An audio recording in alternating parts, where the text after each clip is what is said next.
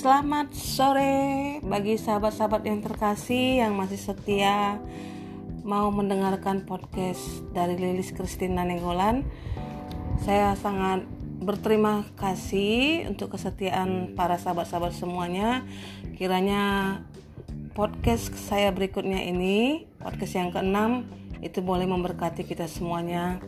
Saya mau membagikan tentang Judulnya yaitu Mendengar Suara Allah. Mendengar suara Allah itu bagaimana kita untuk mengenali suara Tuhan dan membedakannya dengan suara sendiri atau suara lainnya. Jadi eh, di dalam satu Raja-Raja 19 ayat 12b sampai 13 itu dikatakan dan sesudah itu datanglah bunyi angin sepoi-sepoi bias sepoi-sepoi basah Segera sesudah Elia mendengarnya, ia menyelubungi mukanya dengan jubahnya, lalu pergi keluar dan berdiri di pintu gua itu. Maka datanglah suara kepadanya yang berbunyi, "Apakah kerjamu di sini, hai Elia?" Jadi, kalau dalam Perjanjian Lama itu Tuhan sering berbicara langsung kepada para orang-orang yang dikasihinya seperti yang dialami Elia. Jadi mendengar suara Tuhan bukanlah hal yang luar biasa bagi umatnya. Tuhan menyampaikan pesan-pesannya kepada umatnya melalui begitu banyak cara yang dia miliki. Ini bukan tentang kemampuan manusia untuk mendengar suaranya, tetapi tentang kehendak Tuhan memperdengarkan suaranya. Sekalipun kita sedang dalam keadaan berdosa, adalah tanggung jawab kita untuk melatih kepekaan dalam mendengar suaranya. Jadi, e, contohnya Tuhan mendengarkan memperdengarkan suaranya itu contohnya satu pada saat Tuhan berbicara kepada Adam. Ketika Tuhan mengingatkan Adam sudah jatuh di dalam dosa, uh, Tuhan berbicara kepada Adam Tuhan juga berbicara kepada Kain waktu Kain membunuh adiknya. Tuhan berbicara kepada Elia, kepada Bileam, Petrus dan lain-lain.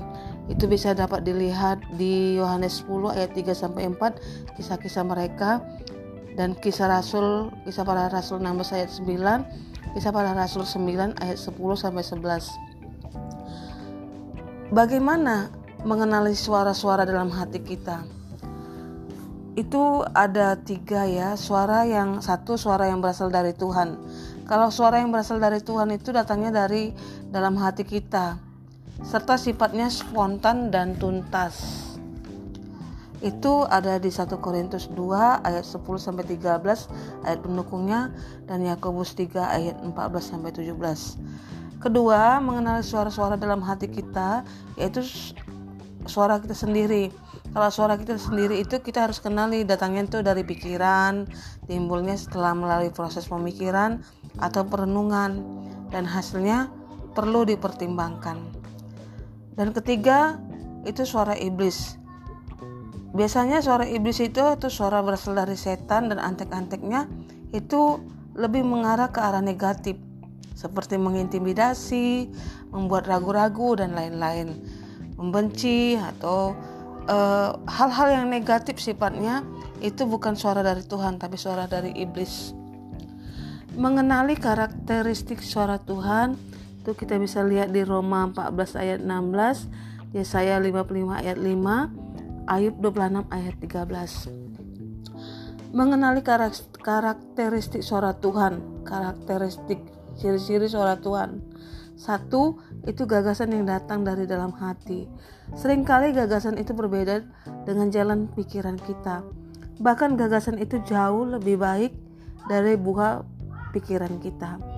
Kedua, gagasan itu sifatnya segar, spontan, tidak analitis, atau ia tidak didahului oleh atau merupakan hasil analisa pikiran kita. Ketiga, gagasan itu ringan dan lembut. Ia datang dalam keadaan sedemikian rupa sehingga kita, jika kita, jika hati kita tidak tenang dengan mudah dapat terabaikan. Keempat, gagasan itu mengandung pesan khusus dan pelajaran khusus. Allah tidak pernah berbicara tanpa maksud dan tujuan tertentu bagi hidup kita. Kelima, gagasan itu memiliki kuasa rohani.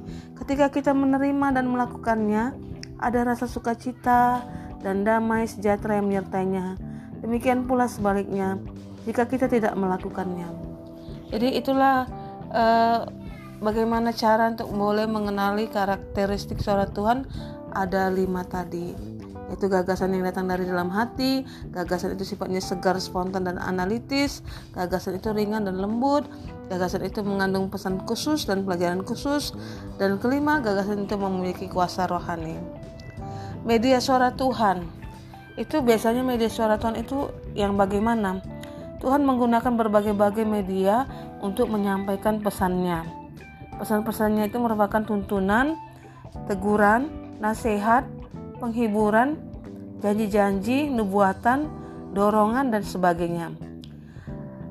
Pertama itu melalui firman Tuhan. Itu ayat pendukungnya 1 Timotius 3 ayat 15 sampai 16.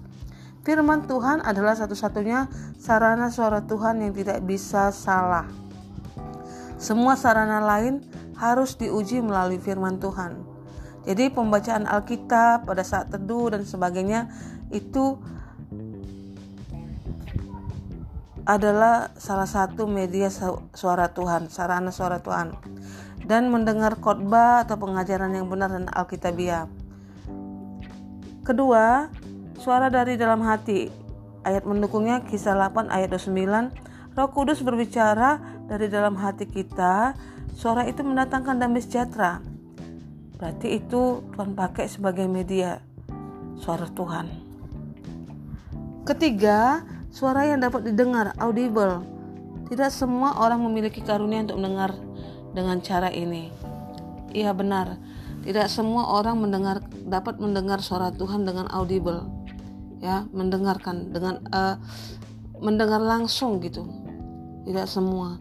Jadi seperti yang dialami uh, itu ada di kisah ayat pendukungnya ada di 1 Samuel 3 ayat 4 dan kisah 9 ayat 36 jadi suara yang dapat didengar itu yang audible itu itu dialami oleh Samuel waktu dia uh, masih anak-anak dia dipanggil Samuel Samuel.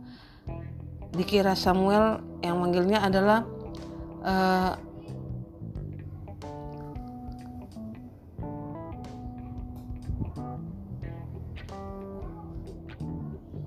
dikira Samuel bahwa yang memanggilnya itu adalah bukan suara Tuhan.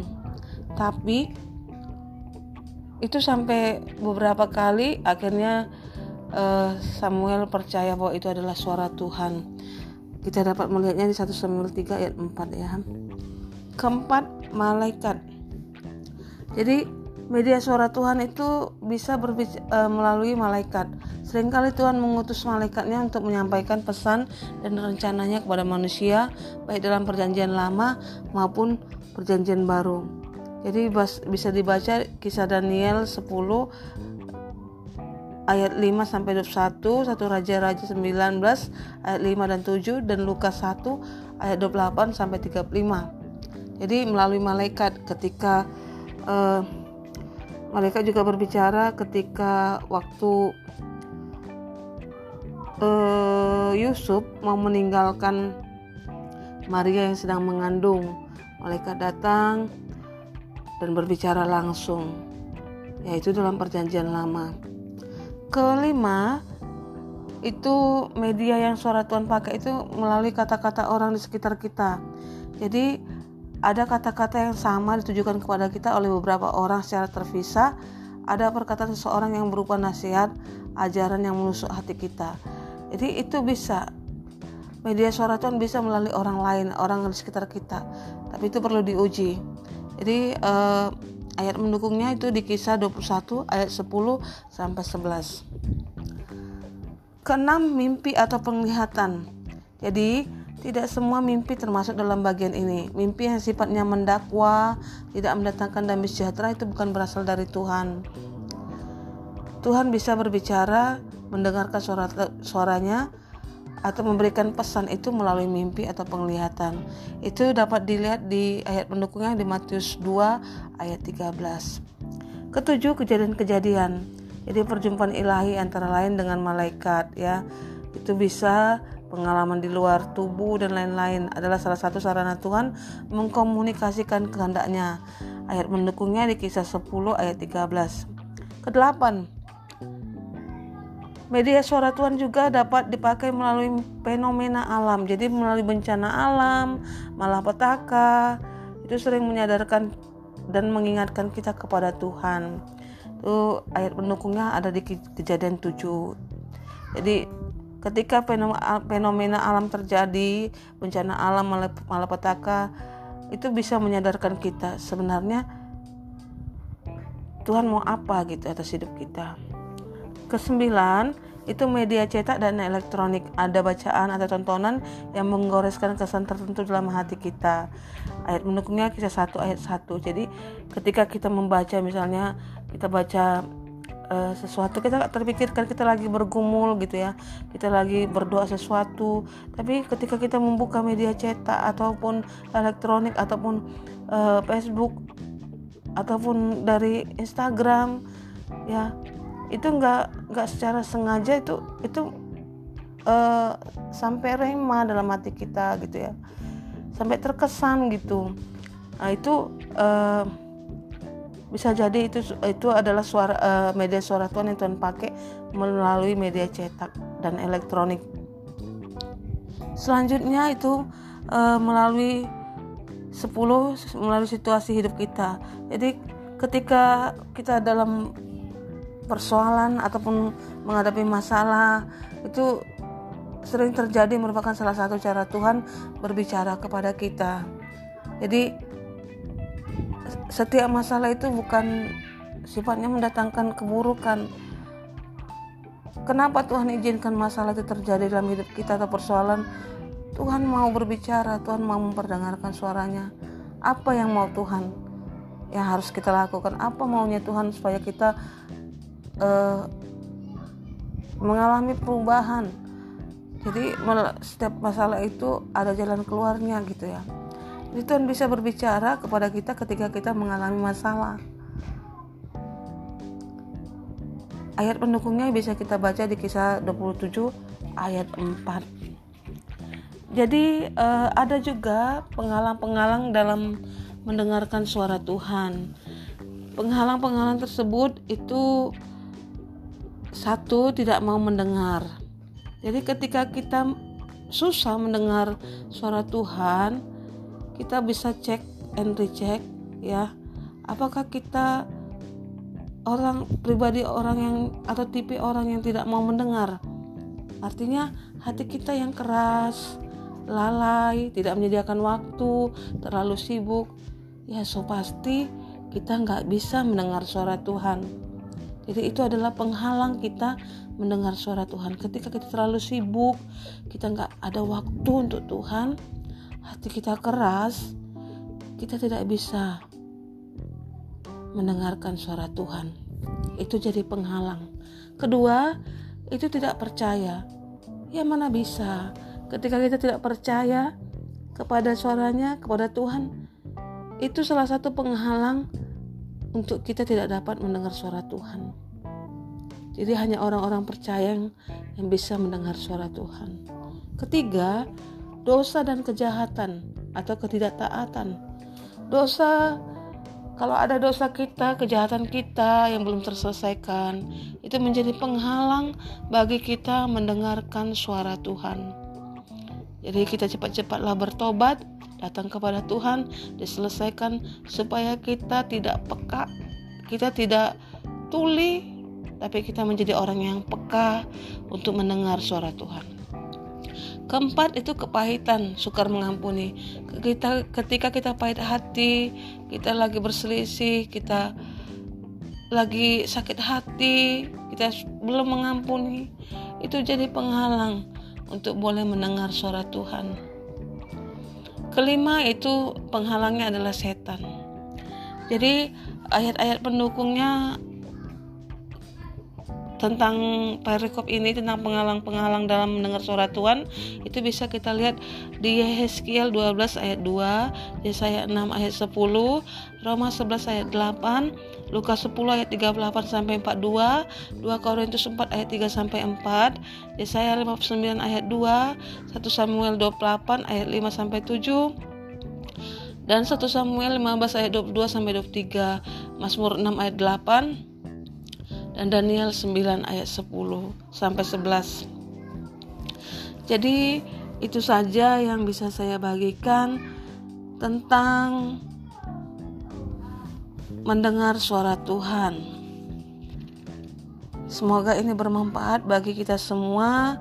Kita bisa praktekkan atau mungkin selama ini ada orang-orang uh, sering mendengar suara Tuhan tapi belakangan uh, kenapa aku nggak bisa mendengar suara Tuhan lagi ya jadi kita bisa cek and recheck dari yang yang saya bagikan tadi jangan-jangan ada penghalang-penghalang dalam mendengar suara Tuhan kita harus memperbaiki hubungan kita kembali dengan Tuhan supaya kita mendengar suara Tuhan supaya kita boleh dengar-dengaran kepada Tuhan dan melakukan apa yang menjadi kehendak Tuhan di dalam hidup kita. Jadi mendengarkan dengan baik sangatlah mirip dengan mencari gelombang radio. Anda hanya bisa mendengarkan satu stasiun saja dalam satu kali. Berusaha mendengarkan istri saya berbicara sambil membaca laporan dari kantor adalah seperti berusaha mendengarkan dua stasiun radio sekaligus. Itu uh, quote catatan dari Robert W. Heron. Jadi mendengarkan itu dengan baik sangat mirip dengan mencari gelombang radio. Pernah kan eh, pas mendengar eh, mendengar radio gimana? Jadi ketika kita mau mendengarkan gelombang yang tidak kita inginkan, pasti ada kesek kesek gitu ya. ada ada ribut-ributnya gitu ya sedikit-sedikit gitu eh, nggak uh, jelas tapi ketika kita mencarinya dengan baik dan sungguh-sungguh kita ngepaskannya akhirnya suara radio itu terdengar dengan jelas. Jadi mari para sahabat-sahabat dan saya juga ini sangat memberkati saya tentang kebenaran firman Tuhan mengenai mendengar suara Allah supaya kita tidak salah langkah, kita tidak menjadi orang-orang yang hidup dengan diri kita sendiri. Kita melakukan apa yang menurut kita benar, padahal itu sudah jauh dari kehendak Tuhan. Dan akhirnya kita lama-lama, lama-lama, lama-lama kita tidak mengenal suara Tuhan lagi, kita tidak mengenal Allah, kita jauh dari Tuhan. Jadi sore hari ini mari kita sama-sama untuk boleh kembali ataupun kembali mengharmoniskan hubungan kita hubungan kita pribadi dengan Tuhan supaya kita ada dalam rencana Tuhan supaya hidup kita menjadi orang-orang yang berkenan di hadapannya itu saja untuk hari ini saya akhiri dan saya mengucapkan terima kasih kembali untuk para sahabat-sahabat semuanya. Kiranya Tuhan Yesus selalu menyertai kita, menuntun kita dan membawa kita terus bertumbuh di dalam Tuhan.